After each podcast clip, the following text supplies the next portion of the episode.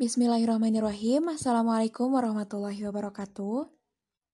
Perkenalkan, kami dari kelompok 8 yang beranggotakan Rahma Mutia, Anita Yaha, Hasna Rodatul Majidah, dan juga Restina Mega. Insya Allah di sini kami akan menyampaikan topik bahasan mengenai keterampilan membimbing kelompok. Selamat mendengarkan.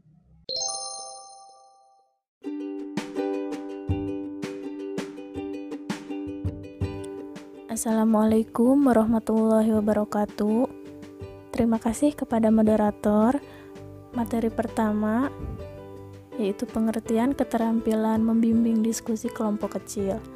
Menurut Rusman, pada tahun 2013, keterampilan membimbing diskusi kelompok kecil adalah salah satu cara yang dapat dilakukan untuk memfasilitasi sistem pembelajaran yang dibutuhkan oleh siswa secara berkelompok. Untuk itu, keterampilan guru harus dilatih dan dikembangkan, sehingga para guru memiliki kemampuan untuk melayani siswa dalam melakukan kegiatan pembelajaran kelompok kecil. Menurut pendapat ahli lainnya, menurut Sanjaya pada tahun 2006, mengatakan bahwa diskusi kelompok kecil dilakukan dengan membagikan siswa dalam kelompok-kelompok dengan jumlah antara kelompok 3 sampai 5 orang. Pelaksanaannya dilakukan dengan guru menyajikan permasalahan secara umum, kemudian masalah tersebut dibagi-bagi ke dalam sub-masalah yang harus dipecahkan oleh setiap kelompok kecil. Jadi, keterampilan membimbing diskusi merupakan suatu keterampilan yang harus dimiliki oleh seorang guru dalam membina dan mengarahkan siswanya pada saat diskusi berlangsung. Diskusi kelompok tersebut bertujuan untuk memecahkan masalah bersama yang dilakukan secara teratur dan tatap muka guna untuk berbagi pengalaman, pengetahuan di antara siswanya. Masuk ke dalam materi selanjutnya, yaitu karakteristik diskusi kelompok kecil. Diskusi kelompok kecil mempunyai karakteristik pertama, melibatkan sekelompok orang yang anggotanya 3-9 orang idealnya 5-9 orang. Kedua, berlangsung dalam interaksi secara bebas, artinya tidak ada tekanan dan paksaan, dan langsung, artinya semua anggota kelompok mendapat kesempatan untuk saling beradu pandang dan mendengarkan serta saling berkomunikasi dengan yang lain. Selanjutnya yang ketiga, mempunyai tujuan tertentu yang akan dicapai dengan kerjasama antar antar anggota kelompok. Lalu yang keempat, berlangsung menurut proses yang teratur dan sistematis menuju suatu kesimpulan. Jadi, dapat disimpulkan bahwa keterampilan membimbing diskusi kelompok kecil adalah melaksanakan kegiatan membimbing peserta didik agar dapat melaksanakan diskusi kelompok kecil secara efektif dalam rangka mencapai indikator.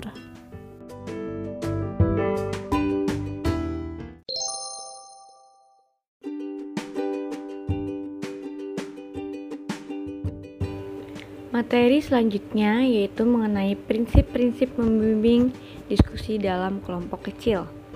Beberapa prinsip dalam membimbing diskusi kelompok kecil yang harus diperhatikan adalah yang pertama, laksanakan diskusi dengan suasana yang menyenangkan. Yang kedua, berikan waktu yang cukup untuk merumuskan dan menjawab permasalahan. Yang ketiga, rencanakan diskusi kelompok kecil dengan sistematis. Dan prinsip yang terakhir adalah bimbinglah dan jadikanlah diri guru sebagai teman dalam diskusi. Lalu selanjutnya, tujuan keterampilan membimbing diskusi kelompok kecil. Menurut Majid, tahun 2013, keterampilan membimbing diskusi kelompok kecil bertujuan sebagai berikut. Yang pertama, siswa dapat saling memberi informasi atau pengalaman dalam menjelajahi gagasan baru atau masalah yang harus dipecahkan mereka. Yang kedua, siswa dapat mengembangkan pengetahuan dan kemampuannya untuk berpikir dan berkomunikasi. Dan yang ketiga, siswa terlibat dalam perencanaan dan pengambilan keputusan.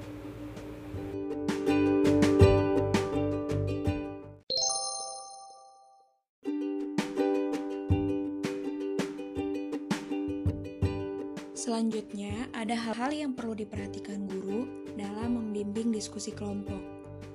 Nah, menurut Mulyasa tahun 2006, dalam peran guru sebagai pemimpin diskusi, ada beberapa keterampilan yang harus dimiliki oleh seorang guru. Yang pertama yaitu memusatkan perhatian, di mana selama kegiatan diskusi kelompok berlangsung, guru harus senantiasa berusaha memusatkan perhatian siswa pada topik atau permasalahan yang sedang didiskusikan.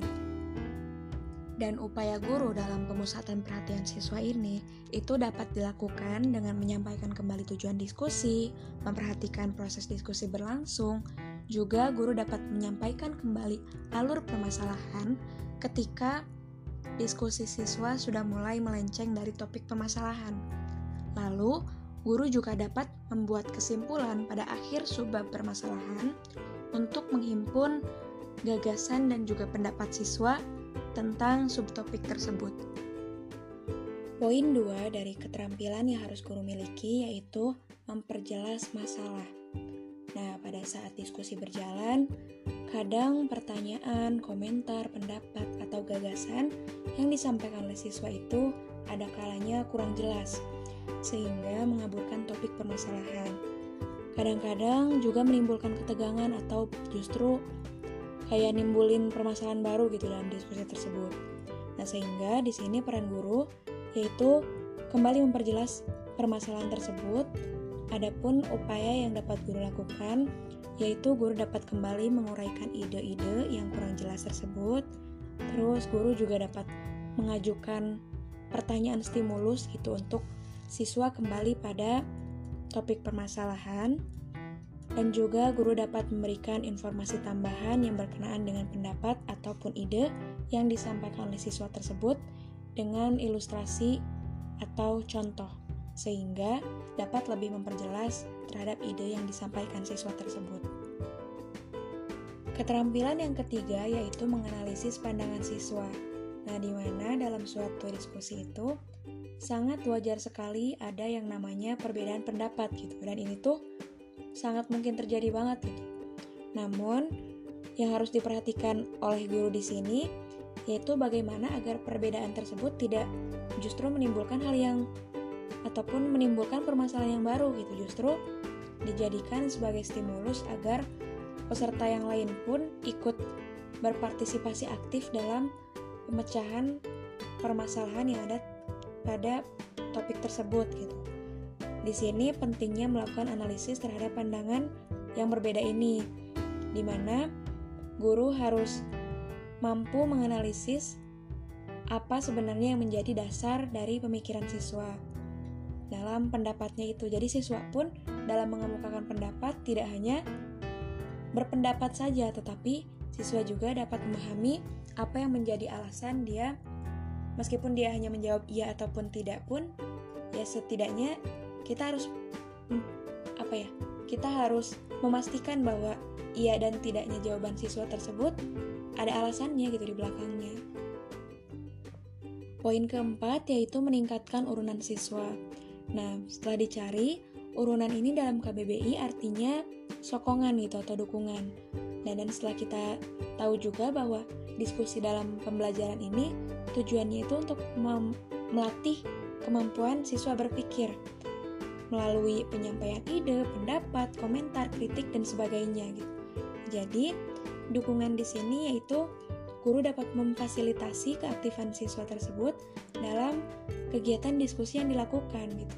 Dan adapun upaya yang bisa guru lakukan dalam memfasilitasi tersebut yaitu guru dapat mengajukan pertanyaan-pertanyaan yang menantang yang bisa menantang siswa untuk berpikir gitu. Terus guru juga dapat memberikan contoh-contoh verbal ataupun non-verbal.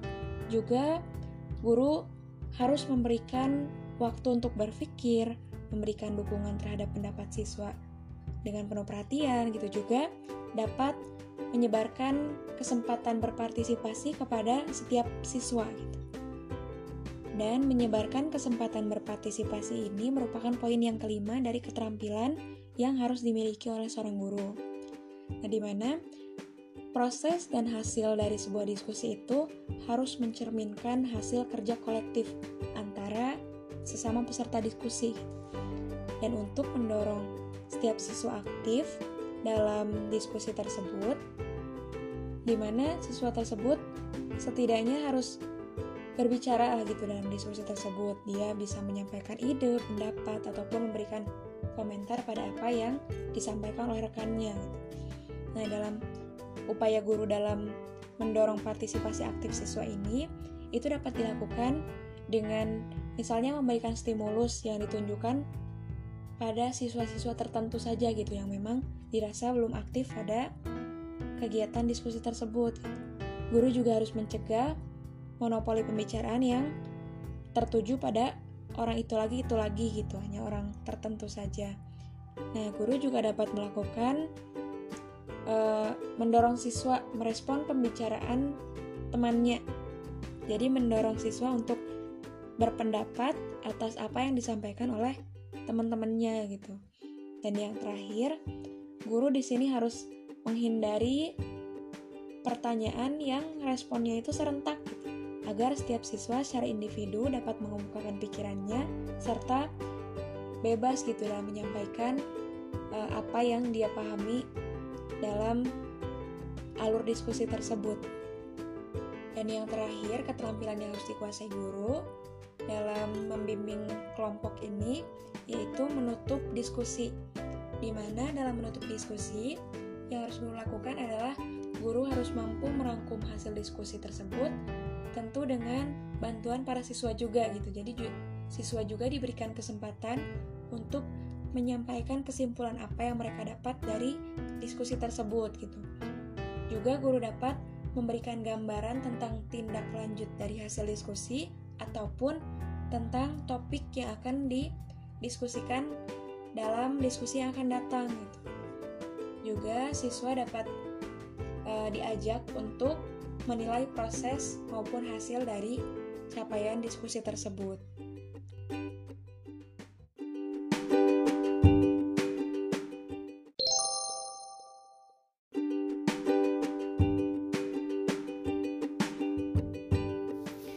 Ya baik, selanjutnya mengenai kelebihan dan kekurangan dalam membimbing diskusi kelompok.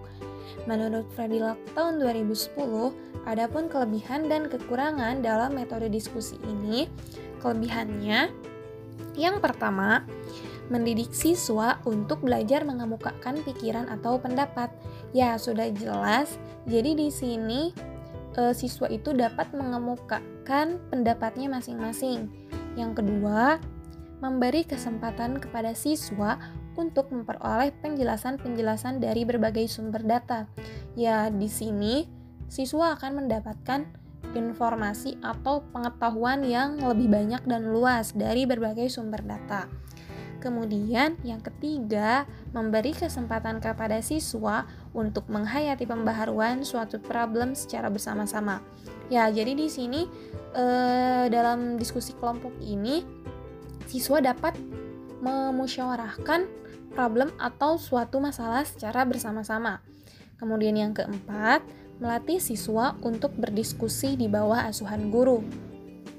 Kemudian yang kelima, merangsang siswa untuk ikut mengemukakan pendapat sendiri, menyetujui, atau menentang pendapat teman-temannya. Nah, jadi di sini siswa diberi kebebasan sesuai dengan pendapatnya sendiri. Kemudian, yang keenam, membina suatu perasaan tanggung jawab mengenai suatu pendapat, kesimpulan, atau keputusan yang akan atau telah diambil. Kemudian yang ketujuh, mengembangkan rasa solidaritas atau toleransi terhadap pendapat yang bervariasi atau mungkin yang memang bertentangan sama sekali. Yang kedelapan, membina siswa untuk berpikir matang-matang sebelum berbicara. Nah, jadi di sini eh, siswa dilatih tidak asal tidak asal berbicara saja, namun memang harus dipikirkan terlebih dahulu. Kemudian yang kesembilan, berdiskusi bukan hanya menuntut pengetahuan, siap dan kefasihan berbicara saja, tetapi juga menuntut kemampuan berbicara secara sistematis dan logis. Nah, mungkin dalam dalam berdiskusi ini public speaking pun sangat penting.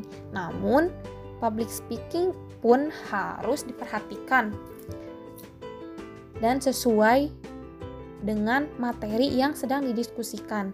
Kemudian yang ke-10, dengan mendengarkan semua keterangan yang dikemukakan oleh pembicara, pengetahuan dan pandangan siswa mengenai suatu problem akan bertambah luas. Nah, jadi uh, intinya memang di dalam diskusi ini siswa akan mendapat pengetahuan yang baru, lebih banyak, lebih luas yang nantinya bisa bermanfaat juga bagi siswa itu sendiri. Nah, berikutnya ada kelemahan diskusi ketika dalam menggunakan metode pembelajaran ini. Yang pertama, tidak semua topik dapat dijadikan metode diskusi, hanya hal-hal yang bersifat problematis saja yang dapat didiskusikan. Kemudian yang kedua, diskusi yang mendalam memerlukan banyak waktu. Ya, sudah jelas e, ketika memang nantinya diadakan diskusi, e, diskusi ini memang membutuhkan banyak waktu. Kemudian yang ketiga, sulit untuk menentukan batas luas atau kedalaman suatu uraian diskusi. Kemudian yang keempat, biasanya tidak semua siswa berani menyatakan pendapat sehingga waktu akan terbuang karena menunggu siswa yang mengemukakan pendapat ya. Seringkali memang e, di dalam diskusi ini terdapat ada beberapa siswa yang memang malu atau bahkan tidak percaya diri mengemukakan pendapatnya sehingga ketika dalam pelaksanaan diskusi ini nanti ada waktu yang memang terbuang karena menunggu siswa yang sulit seperti itu. Kemudian yang kelima, pembicaraan dalam diskusi mungkin didominasi oleh siswa yang berani dan yang sudah biasa berbicara. Siswa pemalu dan pendiam tidak akan menggunakan kesempatan untuk berbicara. Ya memang di dalam diskusi ini siswa yang pendiam agak kesulitan uh, tetapi untuk siswa yang public speakingnya bagus itu memang sangat bagus. Kemudian yang keenam memungkinkan timbulnya rasa permusuhan antar kelompok atau menganggap kelompoknya sendiri lebih pandai dan serba tahu daripada kelompok lain atau menganggap kelompok lain sebagai saingan lebih rendah remeh atau lebih bodoh